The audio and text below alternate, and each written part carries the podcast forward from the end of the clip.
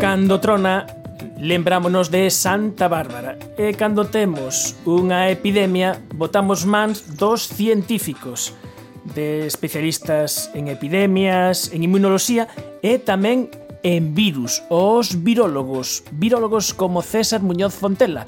Moi boas noites, César. Hola, buenas noches, que tal? Pois moi ben, con César temos falado en varias ocasións dunha das túas especialidades que é o ébola, esa epidemia de África que tamén nos preocupou e nos sigue a preocupar. César Muñoz Fontela eh, traballa no Instituto Bernard Nock de Medicina Tropical de Hamburgo, INDA, que nestes momentos está nunha excedencia para traballar na, na OMS. Eh, temos que dicir primeiramente que o que íamos falar esta noite é co César Muñoz Fontella como virólogo en ningún momento eh, facéndose eh, portavoz de algún xeito da, da Organización Mundial da Saúde. E dito isto, empezamos co que lle estamos a preguntar a, a todas as persoas co que falamos agora nestes días. Primeiro, que tal andas, eh, César, por aí por Alemania? Pues bien, bien, gracias. La verdad es que estamos bien. En Alemania no hay una, un aislamiento, una, una contención total como en España. Eh, los niños no tienen colegio y bueno, yo estoy trabajando desde casa pero, pero bueno, podemos salir a dar un paseo de vez en cuando y, y hasta tenemos buenos, buen tiempo, que es lo raro, así que bueno, vamos, vamos llevándolo bien. Quiero también empezar mandando un saludo a, a toda España, bueno, y, y, sobre todo a la gente que lo está pasando mal, pues, eh, pues mucho ánimo y mucha, mucha fuerza. Mm. Porque en Alemania eh, empezou estas medidas de confinamento inda que máis leves empezaron antes que, que en outros sitios e ademais tamén pola cultura, parece ser que pola cultura alemán eh, xa existe unha certa distancia social, eso pode explicar que precisamente o número de casos contagiados eh, sexa menor que, que en outros países. Sí, yo, yo pienso, pienso que sí. Mm, yo creo que son varios, varios factores. Uno es que, que, como dices, hay un distanciamiento social ya de por sí en Alemania. La gente no, no, no vive tanto, tanto en familia o sobre todo pues eh, en contacto los nietos con los abuelos cada fin de semana, ¿no? que es una cosa muy típica de España y de Italia también. Y, y, bueno, luego el sistema de salud en Alemania pues también tiene seguramente más, más capacidad, tienen, por ejemplo, muchas más camas de UCI, ¿no? Y, y bueno, pues en estos dos factores yo creo que se, se han juntado para que aquí pues eh, estén las cosas un poquito mejor de lo que es, están en, en España. E unha primeira reflexión, o que ten cambiado nestas semanas o mundo tan só eh, por un organismo de ARN que está formado exclusivamente por eh, nada máis nada menos que 30.000 letras. Ese código xenético, esas 30.000 letras son os, as que están amolando o planeta inteiro. Se o pensamos, eh, como é posible que un, un anaco de información sexa capaz de, de, de hackear o noso corpo, facernos esta enfermedade e, e poder neste momento co sistema sanitario de todo o mundo. Sí, sí, es, es verdad. E incluso yo estos días me preguntaba que, bueno, pues eh, todas las tensiones que se están viviendo en la Unión Europea, a ver si lo que no consiguió la crisis lo va a conseguir, como dices, eh, 30 kilobases de, de RNA, ¿no? Pero bueno, pues eh, eso también demuestra que el mundo es global y que los virus no tienen nacionalidad y, que estamos todos expuestos y en, en, el, mismo, en el mismo sentido. ¿no? Cando falábamos do ébola, é unha cousa que, que desde a efervesciencia, como decíamos sempre, nos, nos preocupou a evolución desa pandemia en África. E inda que este virus, o comportamento, é moi diferente, non sei se algunhas das cousas que se aprenderon na loita contra o ébola en África poden ser aplicadas agora ou están sendo aplicadas agora. En cierto modo sí, y de hecho después de, después de la epidemia de ébola en África se creó, por ejemplo, en la Organización Mundial de la Salud pues un, un equipo, digamos, especial de, bueno, pues de, científicos y de personas dedicadas un poco a la prevención de pandemias al que yo pertenezco. Y, bueno, pues se, han también desde entonces financiado eh, vacunas contra enfermedades emergentes a través de mecanismos como, como CEPI o la alianza Gavi. O sea, sí, sí que es verdad que desde que la epidemia de, de África Occidental creó un poco una alerta para estar pendientes de las, la, la, posible emergencia de, de, otros virus, virus que incluso se llamaron el, el, virus X, ¿no? Y que, bueno, pues desafortunadamente ahora nos ha tocado, nos ha tocado lidiar con el, con el SARS-2, ¿no? El COVID-19. Por lo de agora, dá sensación de que temos moitas cifras do que chamamos Occidente, pero que o que está acontecendo nestes momentos o que pode acontecer en África ou mesmamente en Latinoamérica, cal, cal é a situación? Como dices, eh, de hecho eh, hay una preocupación bastante, bastante grande ahora por, por África y por, y por Sudamérica. Ellos están, empiezan con el, con el invierno ahora. Hay casos en, en muchos países y como dices, pues eh, el sistema de salud en muchos de estos países es bastante precario, los métodos de diagnóstico también, y bueno, pues hay, bastante preocupación en que, en que se pueda extender bastante el virus. Nosotros, por ejemplo, una de las cosas que estamos haciendo es intentar acelerar programas de, de entrenamiento de diagnóstico lo más rápido posible y también mandar reactivos y, y material a los países de África con los que colaboramos y algunos en Sudamérica también para que bueno, estén lo mejor, lo mejor preparados posible. Eu vendo, por exemplo, as cifras, eu as vira hai uns días, as cifras globais, por exemplo, o importante que son os tests, eh, facer os tests e que son insuficientes por exemplo, os que estamos facendo en España, eu, por exemplo, miraba os datos, creo que era de Mozambique, e que facían por cada millón de habitantes, non sei se facían dous ou tres tests, o sea, realmente non tiñan capacidade ninguna de testar. Claro, es que para hacer el test, primero necesitas tener a alguien eh, entrenado que sepa hacerlo, necesitas tener alguien que sepa interpretar también los resultados de, de, del test que, no, es, no es especialmente difícil, pero se requiere una, un, una, preparación, un entrenamiento. Luego necesitas reactivos, muchos de ellos, por ejemplo, que deben conservarse en frío. Si no tienes gente que haya recibido entrenamiento, si no tienes eh, sistema de mantenimiento de la cadena de frío, y no tiene reactivos, pues evidentemente se hace todo mucho más, mucho más complicado. Y eso unido, eso vengo sabedes coa loita coa ébola, a, bueno, a conflictos que, que, que siguen, inda que non saen nos medios, que siguen aí, eh, que dificultan a asistencia sanitaria. Sí, sí, eso, eso también es un problema gravísimo, gente desplazada, gente que no tiene acceso, como dices, ni siquiera pues, a un sistema de, de salud. Eh, eso también dificultará en muchos casos el, recuento, digamos, la, estimación real de, los casos, habrá muchas cadenas de, transmisión que no se conozcan.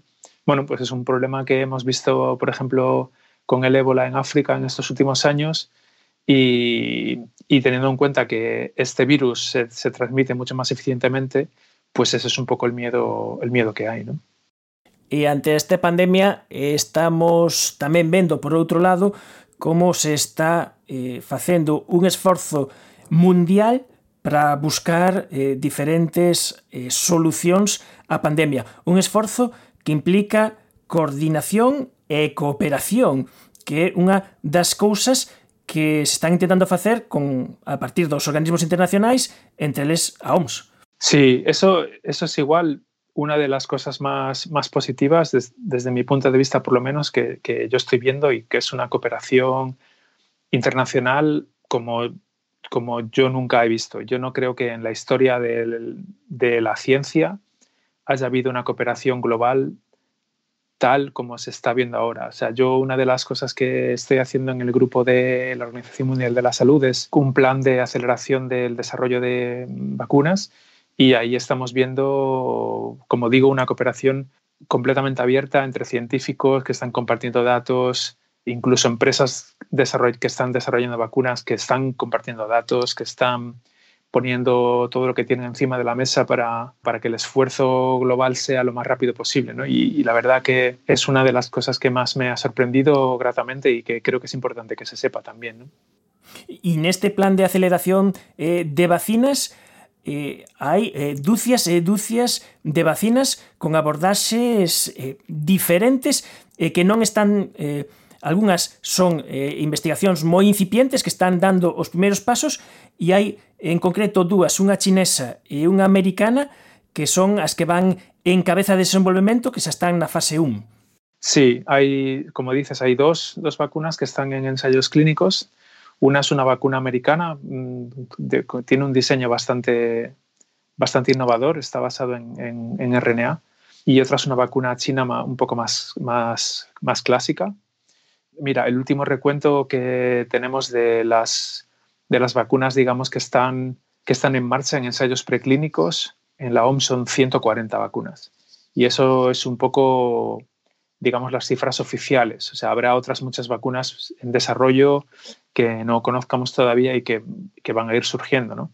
Una de las cosas que pensamos es que debido a que van a ser necesarias muchas dosis, eh, evidentemente estamos hablando de billones de dosis, pues pensamos que seguramente van a ser necesarias no, no una, sino varias, varias vacunas para un poco poder llegar eh, a, a, toda la gente que lo, que lo necesite. Porque me imagino que haberá vacinas que segundo a tecnoloxía que utilicen aí pode depender de que sexan máis ou menos efectivas, pero tamén a tecnoloxía eh, empregada tamén vai logo a determinar a facilidade eh, de que logo se poida producir en masa.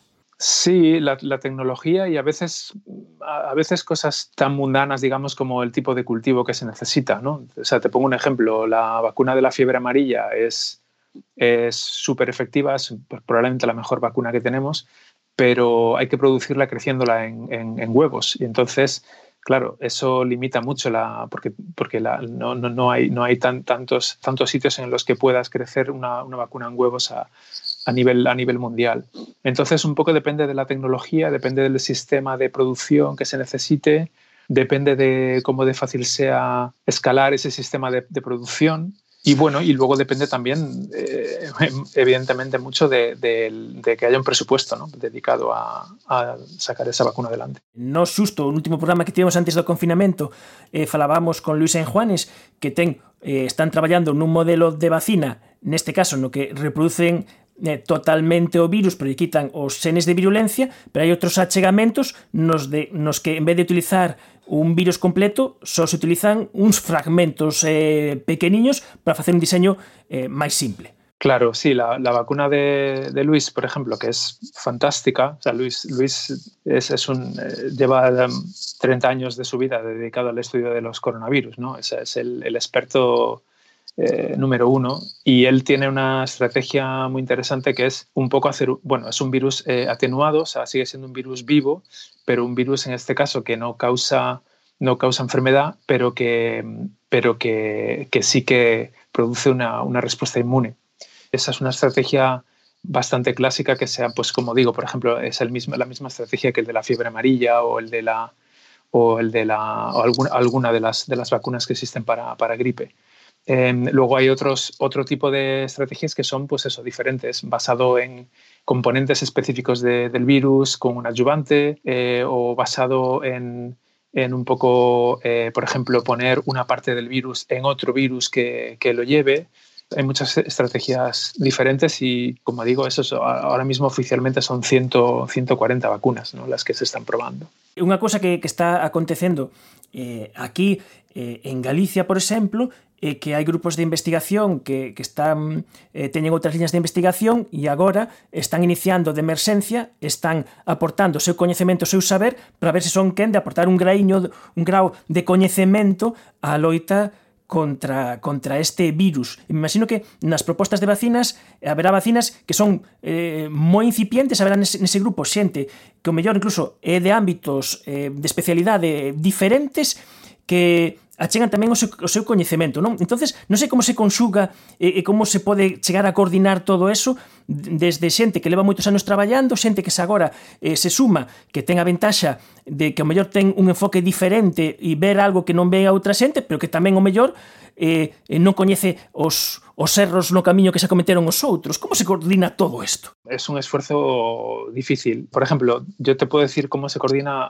a, nivel de la Organización Mundial de la Salud, que es lo que conozco, y es eh, eh, haciendo grupos de, expertos, gente que tiene muchos años, por ejemplo, de experiencia, pues como Luis, ¿no? Como Luis, que, como Luis en Juanes, eh, muchos años de experiencia haciendo vacunas, y entonces pues se juntan varios expertos y un poco son los que evalúan no, la, no la, calidad, la, palabra no es, no es, calidad, pero sino el, potencial, digamos, de todos los candidatos que existen y un poco son los que, los que aconsejan eh, qué candidatos tienen un poco más, más posibilidades de salir adelante. Y luego, como te decía, ahora mismo la idea que tenemos es probar todos esos candidatos, 140. Sí, porque aunque aunque, haya gente que sean, o sea, nadie puede predecir el, futuro y, y, las, hasta los expertos se pueden, se pueden equivocar. Entonces, la idea ahora es testar todas esas vacunas hasta que fallen o hasta que lleguen a, ensayos clínicos. Y, y, eso, como decíamos antes, va a ser un esfuerzo global como yo nunca he visto, eh, porque al final, sin datos tampoco podemos decidir. Entonces, lo que se van a hacer es, es, mover esas 140 vacunas o todas las que se puedan a ensayos preclínicos con diferentes modelos animales para tener más datos y un poco poder ver cuáles son las vacunas que tienen más facilidad o que van a tener más facilidad para llegar a, a su uso en, en eh, humanos. Uh -huh. eh, se sabe cal, cal é o modelo animal máis aceitado para, para estudar este coronavirus? Pues mira, llevamos, llevamos un tiempo viendo eh, trabajando con, con, grupos que hacen diferentes modelos animales, los resultados más, más prometedores en el sentido de que, bueno, que reflejan bastante, bastante bien la enfermedad en, en, humanos y que se han, publicado son los hámsters, los, los hurones y algunos modelos de, de monos, ¿no? de, de resus también, concretamente. Y esos son los modelos que parece que, que, bueno, como te digo, reflejan más la, la enfermedad, sobre todo la, la, la, enfermedad más, más leve ¿no? en, en, en, humanos. O sea, el virus replica, eh, hay un poco de, hay un poco de, de, de síntomas de, eh, respiratorios, pero no es, no es muy grave. Se, los, los, animales se eh, recuperan rápido y un poco lo que tenemos que ver es si esos, esos síntomas o esa replicación que vemos del virus eh, son suficientes para testar el efecto de las, de las, de las vacunas. Es uno de, de, los, de los puntos ahora, de los puntos ahora clave.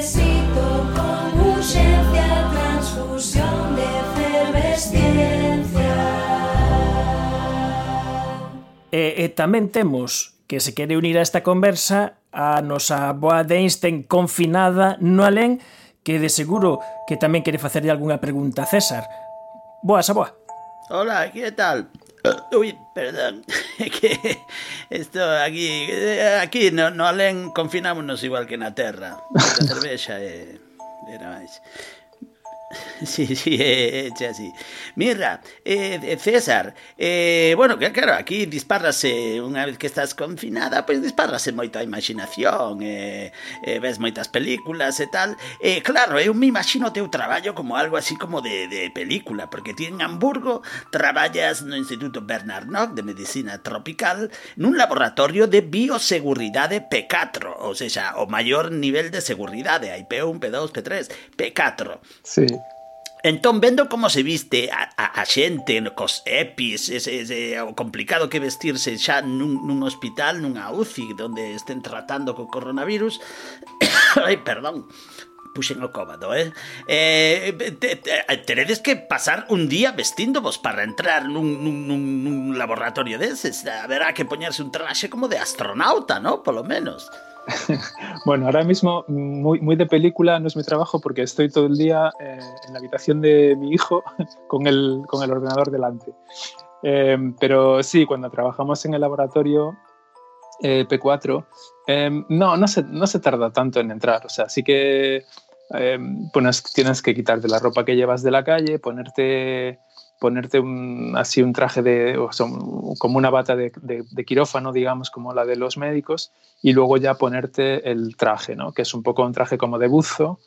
Hay que comprobarlo primero para que no haya un agujero en el guante y cosas así raras, ver que, que, que, el aire también funciona y entra bien en el traje y pues luego ya es entrar y un poco dentro del laboratorio es, es un trabajo más o menos normal pero sí, es un poco rollo porque si tienes que pensarte muy bien si tienes que ir al baño antes, porque si no, tienes que salir y volver a hacer todo otra vez. O sea, que es un poco rollo en ese sentido. Ah, vaya, no, no hay un depósito. Hay que inventar un depósito interno. Para, Estaría bastante bien. Para, para, Sí, sí, vou eh, pensar, vou pensar. Mira, para, para investigar a este, a este puñeterro SARS-CoV-2, que é o nome do, do virus, que ainda sí. hai xente que pensa que o nome é COVID-19, COVID que ese é o nome da enfermidade, non? Correcto. Claro, claro, SARS-CoV-2. Por que por que se empregan eh, P, P4, eh, laboratorios nivel P4, a maioría dos países non teñen este equipamento, empezando xa por España. P poderías estudiar en eh, eh, traballar en laboratorios que non precisen este nivel de seguridade tan grande? Sí, mira, eso ahí vamos a entrar un poco, un poco en polémica, porque yo yo tengo una... Sí, no, una... no querría, ¿eh? no, no.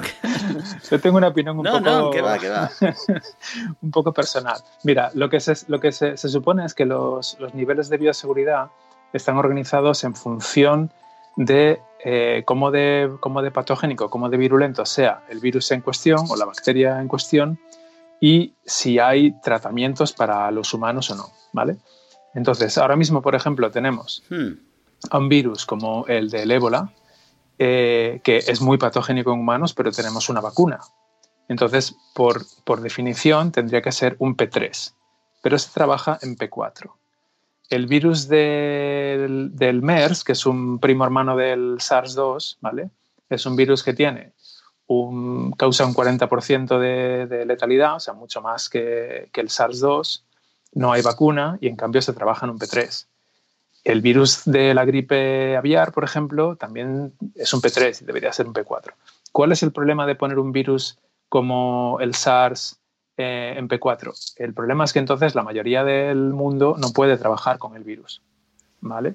Entonces. Ah, por eso a mí me pregunta. Claro, entonces eh, hay, hay, decisiones, seguramente desde el punto de vista, o sea, que desde mi punto de vista son un poco políticas, eh, so, eh, que, uh -huh. que, que, definen un poco en qué tipo de contención se trabaja.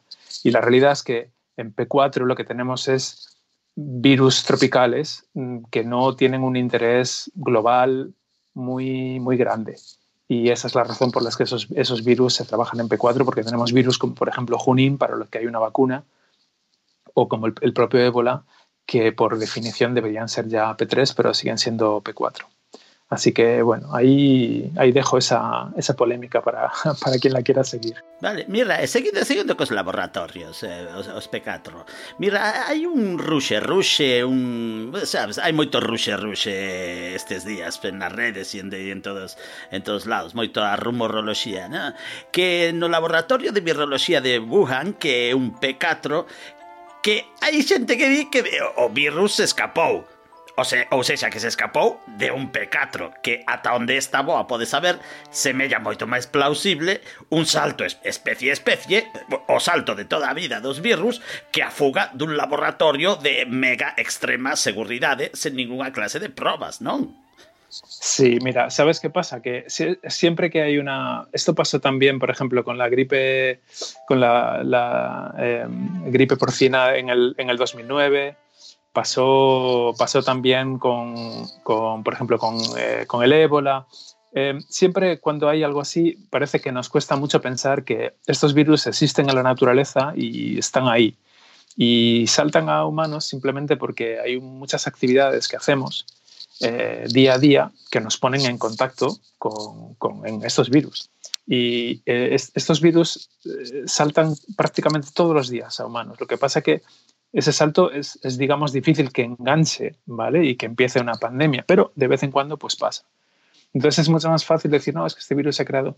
Mira, eh, existen, o sea, hay datos científicos que demuestran que simplemente este virus no, no ha podido salir de un, de, un, de un, laboratorio. O sea, sabemos a nivel de la, a nivel de la secuencia, digamos, quién es el padre, la madre, el abuelo y el bisabuelo de este virus, que son virus todos que existen en la, en la eh, naturaleza. Y, y, además este es un debate o, o es casi lo que más me, me, preocupa y me parece, me parece peligroso, ¿no? porque eh, mina un poco la, la, la, confianza de la opinión pública en los científicos lo que se reduce, lo que se puede traducir en, menos, en menos presupuesto y de hecho lo que, se puede, lo que se puede traducir en que de hecho estemos menos preparados todavía para la siguiente pandemia. O sea, es un poco el efecto al, al revés de lo, que, de lo que queremos. Entonces, pues bueno, solamente decir que, que, una cosa es especular y otra cosa son los datos científicos y los datos científicos demuestran que este virus desde luego no ha salido de, ningún laboratorio y que queramos o no, estos virus están aí en la, en la, en la naturaleza. E que a boa é moi boa aplicando a navaja de Ockham, que é un xeito de pensar que cando hai eh, entre que se fugue o virus sí. dun laboratorio precisamente P4 que van aí con astronautas con, con presión dentro e todo eso e, e e, e pensar claro. que unha cosa que pasa todos os Home, días, tamén... pois aí navalla, navalla, navalla claro. e aí vai. Home, é que, é que tamén hai que entender que a xente tamén lle resulta difícil de entender que a xente coma sopa de morcego ou de pangolín, non? Sí, bueno, e los, e los, e los, e los percebes que... Efectivamente, no, no, digo, a nós desde aquí, pois pues, eh, imagínate, o mellor a un chino, eh, pois pues, que alguén coma percebes parece tamén inaudito, non? E, o mellor un día pois pues, que se, se, O mellor un día din que se escapou un virus, eu que sei, dun laboratorio español, non? Tamén un mesillón algo así. A xente, a xente, a xente eche moi, eche eh, moi. De feito, unha reflexión importante, eh, eh, César, é eh, que precisamente que a orixe deste coronavirus eh, sexa eh, China eh, non efecto culpabilizador no aspecto de que ese virus xe do que falabas, ese virus que pode crear unha pandemia que estábamos un pouco os expertos eh, tiñades aí eh, eh es, esa prevención, eh, a, podes sair, saltar de calquera sitio. Hai moitos sitios no que estamos moi en contacto eh, con outras especies no que podes sair, porque agora saiu un China, pero mellor o seguinte sai do Amazonas ou do outro lado.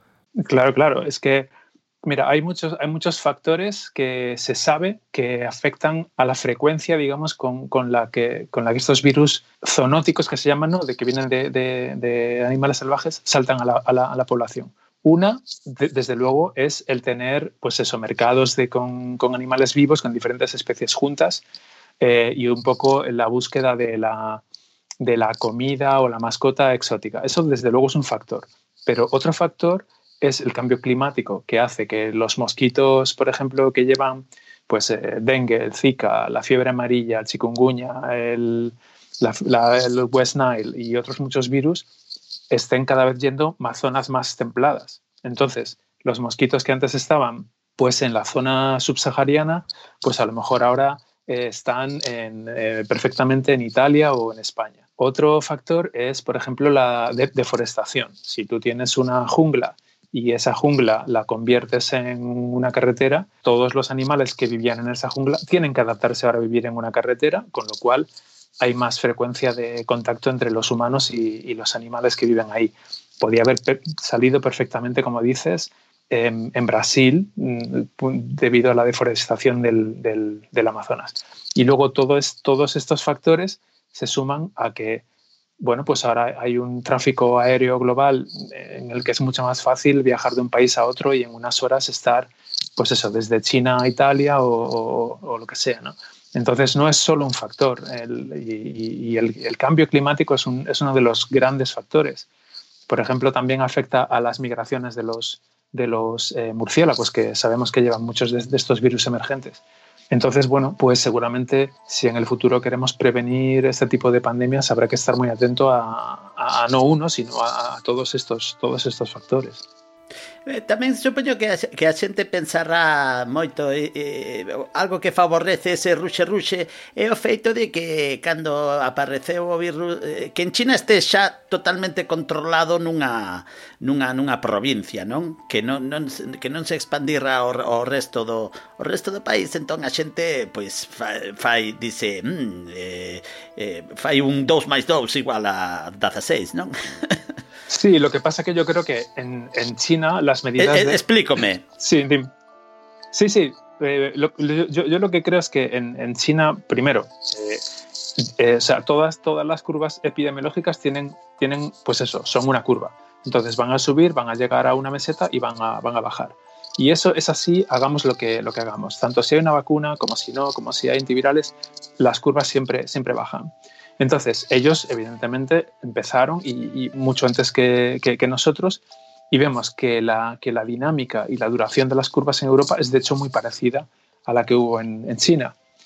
Luego, además, en China, las medidas de, contención, el otro día lo, lo, explicaba Adolfo García Sastre en una entrevista muy bien también, y es que mm, no se le, no se le dio tiempo a la gente de, de Wuhan a pensar mucho, porque dijeron, en una hora no podéis salir ya. Quiero decir, no se le dio, no se dijo, pues en dos días va a haber una contención, ¿entiendes? Entonces, eh, es un sistema... Sí, sí, sí. Es un sistema en el que simplemente la gente dejó de moverse de una hora para otra y eso Evidentemente, si la gente, el virus solo se mueve con la gente, si la gente no se mueve, pues el virus no se puede transmitir tampoco. En los documentales y reportajes, y tal vez eh, eh las medidas eh, de, de, seguridad en China, pues todas esas cosas que ponen las portas para que mm. controlar se si a xente sale de casa, parece que, que fan unha, fixeron unha resposta de choque moi contundente, non? Sí, sí, sí.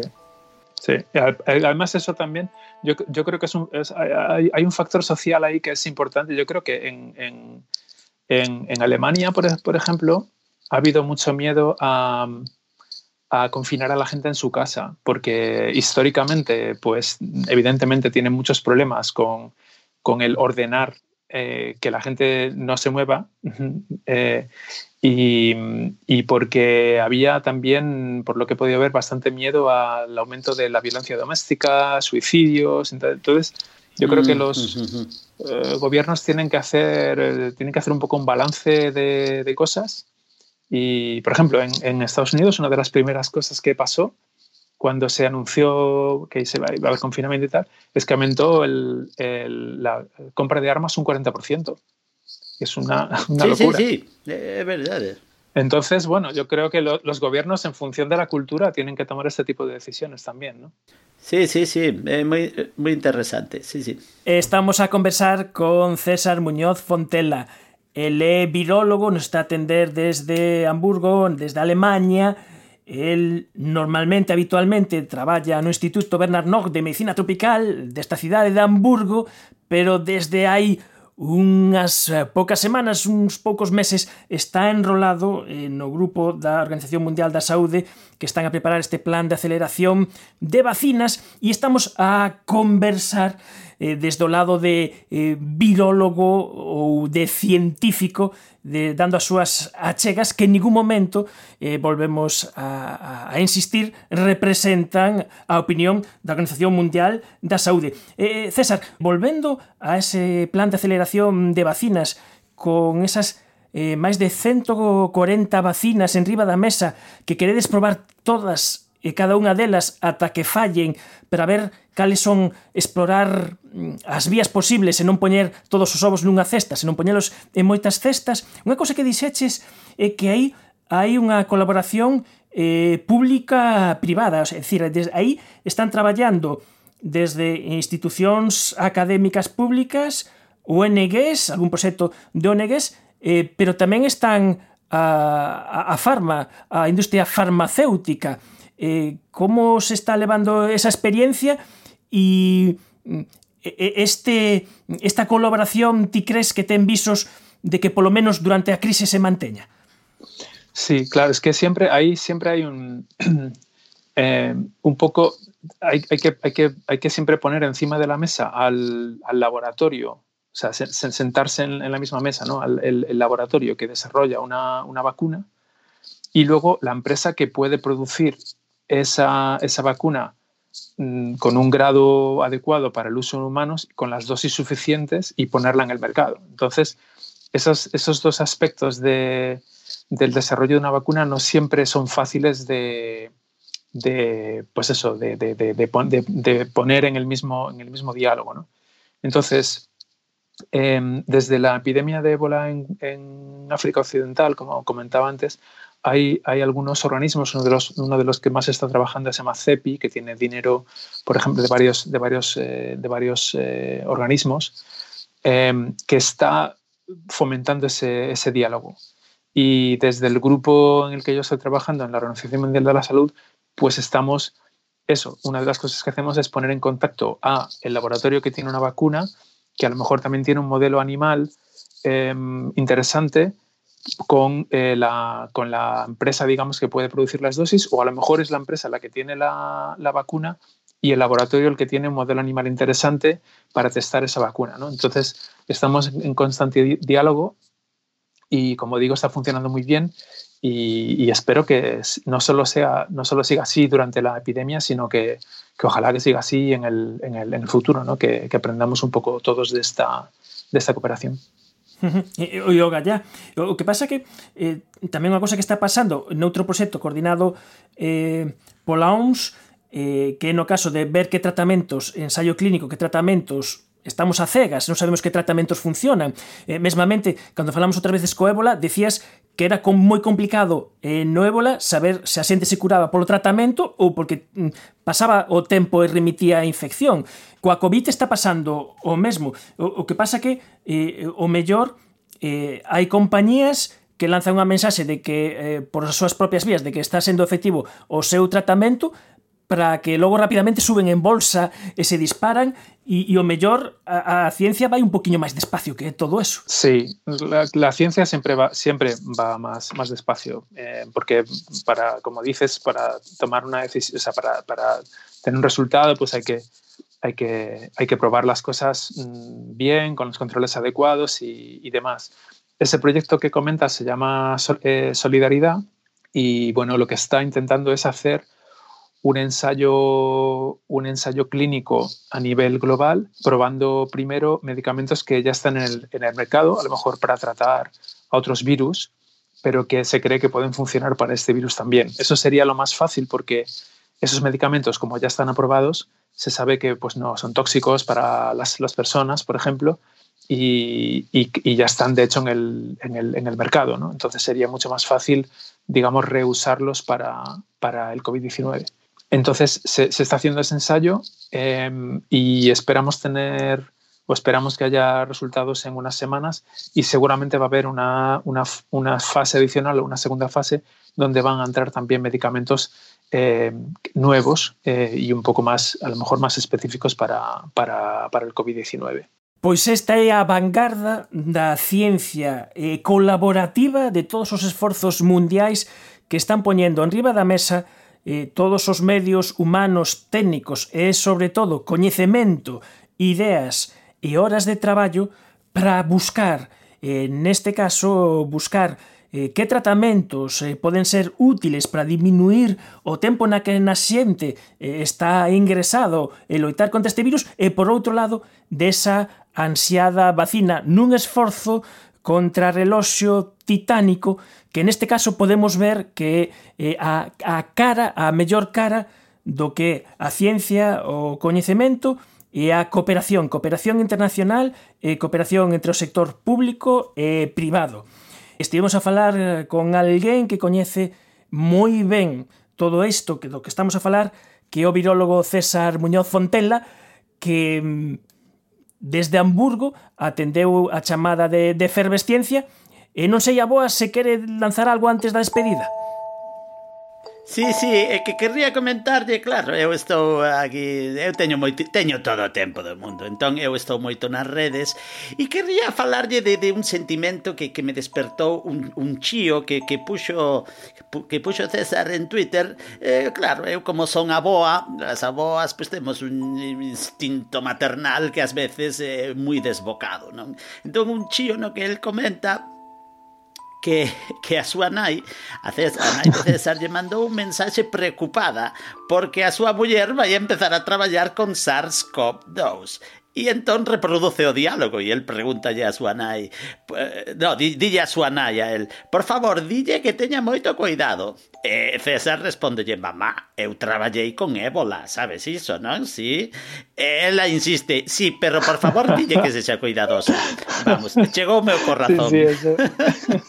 como, como somos as sí, aboas sí, e as ya nais? Ves, ya eh? ves, no, nunca, nunca Tantos años trabajando con ébola Sí, mi, mi mujer también es, también es, es, o sea, es, viróloga y de hecho está, está trabajando con, con el SARS-2 y, y, bueno, contribuyendo, intentando contribuir también al desarrollo de vacunas antivirales y bueno, pues esperemos que tenga suerte. Pero sí, real, real ya ves, ya ves, con el, el ébola parece ser que no, no es nada.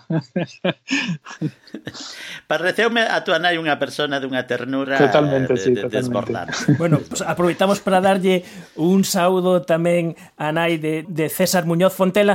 César, moitísimas grazas por nos atender, eh, moitísimas grazas por darnos eh, a túa opinión persoal como, insistimos, opinión persoal como, como virólogo, que eu coido que nos amplía un pouco a perspectiva das moitas que hai eh, sobre esta epidemia. Estamos eh, botando aire, eh, emitindo un anaco desta conversa, porque se queres eh, ter a conversa enteira, terás que acceder ao noso podcast e aí poderás ter eh, completamente a conversa que mantivemos con César Muñoz. César, unha aperta moi grande e seguiremos a falar seguramente. Igualmente para vosotros, muchas gracias y, que, sigáis todos sanos. Un abrazo. Veña, unha aperta. Eu sigo cotilleando por aquí, veña.